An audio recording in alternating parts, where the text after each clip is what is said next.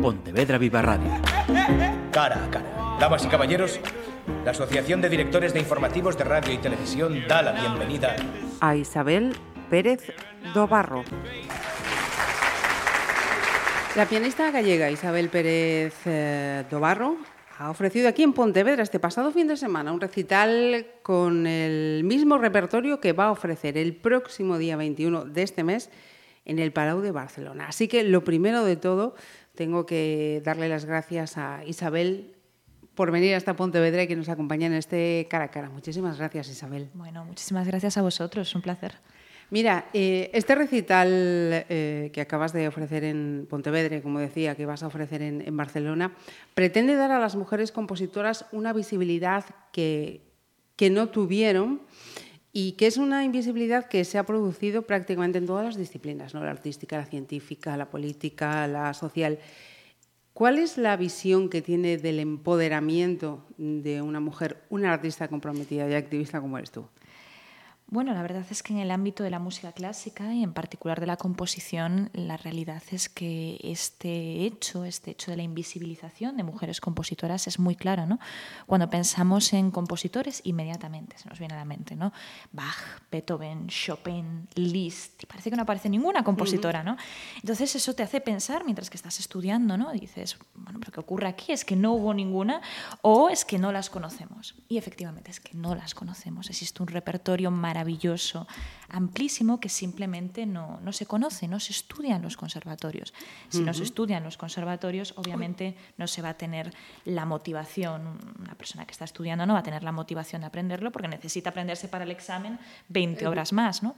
Entonces, eh, la realidad es que necesita conocerse este repertorio. En el caso de la música clásica, por ejemplo, depende mucho de los instrumentos. ¿no? Por ejemplo, en el caso del piano o en el caso de la voz, estaba bien visto que en la educación de las mujeres en el siglo XIX aprendieran a tocar el piano y aprendieran a cantar. Era parte de su educación. Em, y por tanto, pues tenemos evidencias de muchas mujeres pianistas y cantantes ya desde entonces que bueno, se daban conciertos, algunas se ganaban la vida con eso, pero la mayor parte pues daban conciertos en salones privados, ¿no? digamos. Em, y esta tradición, por supuesto, sigue en el siglo XX. Tenemos figuras como Marta Argerich, Alicia La Rocha, figuras excepcionales en el mundo del piano. ¿Qué ocurre en el ámbito de la composición, en el ámbito de la creatividad y en el ámbito de la dirección de orquesta? Bueno, en el ámbito de la creatividad, la verdad es que efectivamente existían estas compositoras. Lo que pasa es que su visibilidad se hace mucho menor a lo largo del tiempo. Esto es muy interesante. En el Renacimiento, tenemos figuras como Maddalena Casulana, con Francesca Caccini, que eran muy reconocidas. Y sin embargo, posteriormente, en el siglo XIX y principios del siglo XX, empiezan a tener menos visibilidad, hasta que llegamos al canon establecido hoy en día, en el cual simplemente no, no están. Entonces, eh, y por otro lado, las directoras de orquesta, ahí sí que nunca realmente hubo una presencia de mujeres en la dirección importante, por ser un puesto de autoridad. Y, sin embargo, pues últimamente estamos viendo cómo empiezan a surgir estas figuras, muy poco a poco todavía. Hacen falta estos referentes positivos para que las niñas digan desde pequeñas, pues yo quiero dirigir una orquesta, ¿no? He visto a esta directora maravillosa y digo, yo también quiero. Entonces, el empoderamiento parte primero de esta visibilización, de reconocer esta labor de estas mujeres extraordinarias que en momentos en los que tenían que superar muchas barreras para, poder dar su voz a conocer sus obras, lo, eh, bueno, pues compusieron Em, y, por supuesto, eh, visibilización y concienciar de que, bueno, de que todo esto existe ¿no? y de que es necesario crear referentes positivos. Yo creo que esto es lo más importante. Entonces, em, con esto que nos acabas de, explicar y ponernos en, situación, eh, entiendo que tiene que haber también una voluntad y darse posibilidades para que en este momento eh, se se identifiquen, se les ponga un nombre, salgan a, la luz, ¿no? Fíjate, las estadísticas hablan de que en torno al 1%, 2% de las programaciones de las grandes orquestas son obras de mujeres, tan solo un 1 o 2% en el mejor de los casos. Esto, a raíz del año pasado, con el Michu ha mejorado un poco, pero si vamos a estadísticas de hace dos años, era así. La mayoría de las grandes orquestas, por ejemplo la Sinfónica de Chicago, no había programado a ninguna mujer. Eh, la Filarmónica de Nueva York, con la que colaboramos en uno de los programas que dirijo, que es Women in Music, pues no había programado a ninguna mujer. A partir de nuestro programa empezó a programar mujeres y esta temporada ya tienen varias compositoras y directoras. Y bueno, pues eh, si no se programan, no se conocen y si no se conocen no van a llegar al público y por tanto la gente va a pensar que no existen. Eh, en tu caso, por ejemplo, en este recital que has dado en Pontevedra, que vas a llevar a Barcelona, eh, había dos nombres, ¿no? Añadimos un tercero, una sorpresa que no estaba anunciada, pero fue así un poco a última hora, pero la verdad es que resultó maravilloso. Una composición de Clara Gil, una compositora contemporánea. Hicimos aquí el estreno en Galicia de Frágil, que es un quinteto eh, para cuarteto de cuerdas y piano.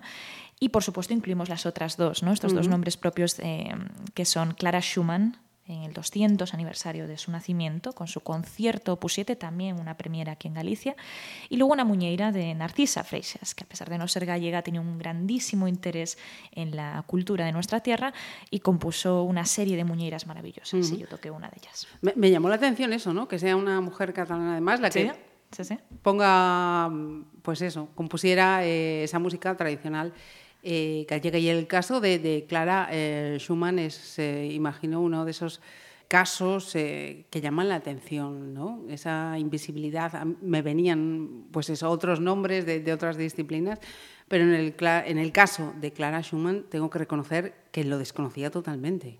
Sí, es un caso curioso, especialmente teniendo en cuenta el talento inmenso que tenía. Clara Schumann empezó a dar conciertos siendo niña, eh, su padre la llevó de gira por Europa, el propio Goethe la escuchó, dijo, bueno, esta niña tiene la fuerza de seis muchachos, es increíble el sonido que saca al piano. ¿no? Y, y, la verdad es que siempre se la consideraba un talento extraordinario en aquel momento en particular. Con 13 años, en uno de sus recitales decidió tocar de memoria, algo que hoy en día nos parece muy normal, pero que en aquel momento era una revolución absoluta. ¿Por qué? Porque hasta ese momento el compositor era la figura primordial, era el genio, y el intérprete estaba subordinado al compositor, era una figura absolutamente secundaria. En muchos casos eran lo mismo, es decir, intérprete-compositor, pero en otros el intérprete siempre ha subordinado al genio del compositor. Y es la primera que dice, no, yo como intérprete merezco la atención del público y, y voy, soy un genio igual, ¿no? Entonces voy a quitar la partitura y me vais a escuchar como gran virtuosa del piano. El concierto para piano opus 7 lo compone desde los 13 años hasta los 16, que es cuando lo termina, lo estrena con Félix Mendelssohn y eh, en su momento tiene un gran éxito. Lo que pasa es que bueno, sus obras empiezan a caer en el olvido, se empieza a olvidar su figura y empieza a aparecer en la historiografía como mujer de Robert Schumann, como pues, eh, por su amistad especial con Johannes Brahms también, eh, pero no como la grandísima pianista, compositora y profesora también de piano, muy, muy importante que fue. Entonces, bueno, el reivindicar este concierto, esta obra, que a pesar de ser de juventud ya es tremendamente avanzada e incorpora unas innovaciones a nivel formal y técnico increíbles, bueno, pues es parte de esta reivindicación de su figura. ¿Y, traer a Clara Schumann es porque a Isabel le llamó especialmente la atención o hay alguna mujer más ahí que te haya... hay, hay muchas. La verdad es que en el momento en el que empiezas a investigar te das cuenta de que existe este repertorio ¿no? fascinante. ¿no? Está el caso, por ejemplo, de Amy Beach, una compositora americana extraordinaria. Tiene un quinteto para piano que es vamos, como el quinteto de Brahms, como el de Schumann, de las grandes obras para el repertorio. Tiene un concierto para piano extraordinario que también voy a estrenar yo en España el año que viene. Y, y por tanto, pues eh, Teresa Carreño, por ejemplo, ¿no? una mujer extraordinaria, cantante, compositora, pianista, fue alumna de Liszt, la llamaba la Valquiria del piano porque te saca un sonido extraordinario. Y, bueno, pues hoy en día no se conocía tanto su, su obra. ¿no? Entonces, eh, en el caso de España, por ejemplo, tenemos a Eugenio Osterberg, en el caso de Galicia además, una santiaguesa eh, que vivió en La Coruña, sí, pichelera como yo, y, vivió en La Coruña mucho tiempo, eh, murió en Francia, vivió sus últimos años en Francia y eh, bueno, se está empezando a recuperar ahora su figura, pero tiene unas canciones maravillosas para piano y voz y unas obras para piano muy, muy interesantes que demuestran que era una gran virtuosa. Eh, luego volveremos a la música, Isabel, con tu permiso. También estás implicada en el desarrollo sostenible. De hecho, en 2017 he visto intervenías en la ONU en defensa de esta causa. ¿Cómo estás viendo esas eh, reivindicaciones, todo ese movimiento que ha surgido a raíz de la declaración de Greta Thunberg? Yo creo que el caso de Greta es muy interesante eh, y demuestra, por supuesto, la fuerza que tiene la juventud, las posibilidades que tenemos de, cambiar el mundo y de dar nuestra visión. Al fin y al cabo, estamos hoy en día ante la mayor generación de jóvenes que ha existido en la historia y, por tanto, creo que nuestra voz tiene que darse, tiene que escucharse. Eh, lo extraordinario de Greta eh, es que ha conseguido hacer activismo de un tema en el que particularmente pues, muchos jóvenes no habían pensado que se podría hacer activismo, ¿no? mucha gente. Eh, yo, por suerte, desde el año 2016 llevo yendo a numerosas conferencias de jóvenes, el Foro de Premios Nobel de la Paz, el Youth Assembly, conferencias en el Parlamento Europeo, el Vatican Youth Symposium. Y encuentras a jóvenes como Greta, pero jóvenes que están haciendo pues, eh, una cantidad de iniciativas a nivel local, a nivel regional, que realmente están teniendo un impacto extraordinario. ¿no? Uh -huh. Lo diferente de Greta no es tanto su mensaje, que es algo que se lleva escuchando durante muchos, muchos años, pero es eh, el hacer activismo con este tema y el entender que hay una urgencia real y que no podemos esperar más. ¿no? Y en este sentido creo que, que es muy positiva la acción y, y, la imagen que da como joven uh -huh. activista. En ese sentido, el activismo entre los jóvenes también es una máxima que defiendes a capa y espada. Creo que sí, creo que debemos ser escuchados, ¿no? Y creo que cada vez más, si vemos en mecanismos como el ECOSOC Youth Forum, por ejemplo, ¿no? que es como una preparación para el High Level Political Forum, para el foro de alto nivel, eh, vemos que las mm, conclusiones que se sacan de este foro posteriormente pasan a este foro de alto nivel. Es decir, que cada vez hay una integración mayor de los jóvenes en estos procesos. Y, uh -huh. y yo creo que es, bueno, primero porque muchas veces los jóvenes son las principales víctimas de las consecuencias del cambio climático o de las consecuencias de que no exista este desarrollo sostenible, de que los objetivos de desarrollo sostenible todavía no se hayan implantado. ¿no? Entonces, no se hayan implementado. Eh, totalmente.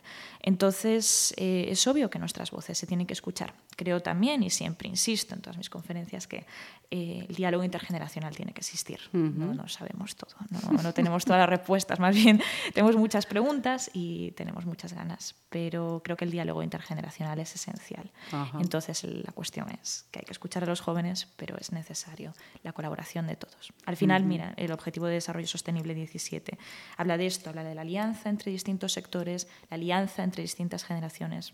Todos tenemos que estar involucrados. Y volviendo a la música, mm, resides en Nueva York y yo tengo que confesar eh, que tenía un grave error en uno de mis planteamientos. Yo tenía previsto preguntarle a Isabel, ¿colaboras con Women in Music? Resulta que no, que es ella la creadora de esta, de esta iniciativa. Cuéntanos, por favor, qué es lo que hacéis desde Women in Music? Bueno, Women in Music parte de esta idea ¿no? de, de, la escasez de programación de obras de mujeres compositoras y por tanto lo que nos planteamos son diálogos interculturales entre países a través de la obra de mujeres compositoras. Hemos uh -huh. empezado con Estados Unidos y España con la colaboración de la Filarmónica de Nueva York a través de su Casi Very nada. Young Composers Program y es, eh, esta colaboración me parece muy, muy especial porque precisamente hablábamos de este mm, diálogo intergeneracional. ¿no? Bueno, el Very Young Composers Program son niñas compositoras, son niñas compositoras bueno. que desde los 10 años, 10 en adelante, empiezan a componer y entonces eh, algo maravilloso de Women in Music es que encuentras compositoras de 97 años, tenía Margarita Richter, 97, a niñas de 10, ¿no? Y todas compartiendo escenario, compartiendo música, viendo las pequeñas, los referentes de lo que pueden aspirar a ser, ¿no? Unas grandísimas compositoras. Y también es algo muy positivo para estas grandísimas, extraordinarias compositoras, pues que puedan también influir o, o ayudar a estas, a estas jóvenes, ¿no? Que están empezando. Entonces nos parecía muy, muy interesante este componente de, de diálogo intergeneracional. Y, y, la verdad es que es, es, maravilloso, ¿no? porque ves un poco las tendencias compositivas entre distintos países y visibilizas también a muchísimas compositoras, que, tanto históricas, hemos metido históricas como contemporáneas, que, bueno, que lo han tenido un, poquito más, uh -huh. un poco más complicado para dar sus obras a conocer. Mira, eh, una pregunta para una mujer que, que vive en el mundo del arte, en el mundo artístico. ¿Por qué en España nos sigue costando tanto pagar por el consumo de la cultura? Es una pregunta difícil, ¿no? Eh, la verdad es que mm, creo que hay que entender el valor de la cultura. Y esto viene desde la educación, es decir, hay que entender desde el principio que la cultura es algo esencial, es algo sin lo cual no podemos vivir. No, no es algo accesorio, no es una diversión, es, es, una necesidad. Entonces, obviamente, si queremos que haya unos profesionales de alta calidad, hay que pagarles y por tanto hay que pagar por, por asistir a un concierto, por ir a un, a una exposición. ¿no? En el caso de Estados Unidos existe mucha financiación privada también, existen unas eh, facilidades para el mecenazgo muy grandes y entonces existe mucho apoyo tanto de instituciones públicas, pero sobre todo también una gran, está muy involucrado el sector privado, ¿no? las empresas. Y luego también a nivel individual, algo que es muy interesante, es que la música está totalmente insertada en el sistema universitario. Hoy en día tenemos los conservatorios, que sí que dan un grado superior, que es como si fuera una licenciatura o un grado, pero estamos fuera de universidad, estamos entrando cada vez más con los másteres, doctorados, pero todavía queda trabajo. En Estados Unidos eso lleva implantado desde siempre. Entonces, ¿qué ocurre? Que un médico, como optativa, coge clases de piano. Entonces, ¿qué ocurre? Que se da cuenta del trabajo que conlleva, del esfuerzo, eh, disfruta de la música de otra manera, entiende la música de otra manera y entonces, obviamente, cuando tiene la posibilidad, pues va a apoyar eh, un concierto, va a apoyar una, una, exposición. También pueden coger clases de arte, pueden coger clases de cine.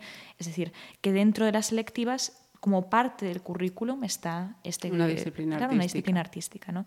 Entonces esto es fundamental porque en ese momento aprecias el arte de otra manera y te das cuenta de su necesidad. Qué envidia. Además de tus estudios de, de piano, Isabel, eres graduado en Derecho y estudios Relaciones Internacionales. Eh, lo de irte a vivir a Nueva York, en tu caso, es otro ejemplo más de fuga de talentos españoles. Bueno, en mi caso fue un poco particular en el sentido que um, yo conocí a un, profesor extraordinario y a su mujer, a José Ramón Méndez y Amy Gustafson, que son dos pianistas maravillosos. Los conocí en Santiago de Compostela, de hecho, daban una masterclass uh -huh. allí. Y me escucharon y me dijeron, bueno, creo que podrías venir a Estados Unidos. Posteriormente fui a unos cursos en, en Gijón que daba él. Y como yo empecé el superior con 15 años, terminé con 18, pues con 18 ya podía hacer el máster en, en, Estados Unidos. ¿no? Entonces ahí fue la decisión de me quedo en España o me voy a hacer el máster a una universidad americana. ¿no? Y, y, la verdad es que, bueno, es una decisión que en su momento pues llevó mucho tiempo para pensarla, pero creo que fue la decisión adecuada. ¿no? Uh -huh. y, y, la verdad es que en ese sentido, pues Estados Unidos me ha dado una cantidad de oportunidades tremenda, ¿no? sobre todo, por supuesto, por las universidades, el haber estado en Harvard, en NYU, en Manhattan School of Music, la verdad es que por la gente que conoces, por, por las oportunidades que te ofreces, francamente extraordinario. ¿no? Y, y, la verdad es que, bueno, pues desde entonces estaba muy contenta. Caramba. ¿Cuándo regresas a Nueva York, Isabel? A Nueva York ya el 22. El, el, el 22. ¿Qué compromisos previos tienes aquí? Pues en tengo España? unas charlas en el Conservatorio de Santiago de Compostela, uh -huh. eh, una sobre precisamente mujeres en la música. Repasaré la historia de las mujeres en la música desde la antigüedad hasta nuestros días. Además, hablaré de la musicología feminista, que creo que es interesante entenderla tanto para apoyarla como para criticarla, pero hablo eh, de, la, de, la, primera musicología feminista, de McLary, de Citron y de los nuevos avances que ha habido, eh, porque la disciplina ha evolucionado mucho. Y hablo de la situación actual ¿no? de, la mujer en el ámbito de la música clásica. Y otra charla que doy un poco más especializada para estudiantes de música que quieran estudiar en los Estados Unidos. Lo que a mí me ocurrió cuando con 18 años estaba ahí viendo la aplicación, que es lo que le llaman ellos, ¿no? que es como el formulario de acceso, pero son 10.000 documentos que tienes que enviar, muchísimo, muchísimo trabajo. Yo estaba perdidísima, claro, ¿no? Entonces, la verdad es que quiero facilitarle un poco a, a los estudiantes de hoy en día que estén pensando en ir a estudiar a Estados Unidos, pues facilitarles todo el proceso, decirle cuáles son los pasos, basada en mi experiencia, pues hacerle recomendaciones, ¿no? De cómo deberían eh, plantear su proceso de admisión. Después, el día 18, eh, estaré en Barcelona, estaré dando una charla en el Teatro Sarriá, también de mujeres en la música.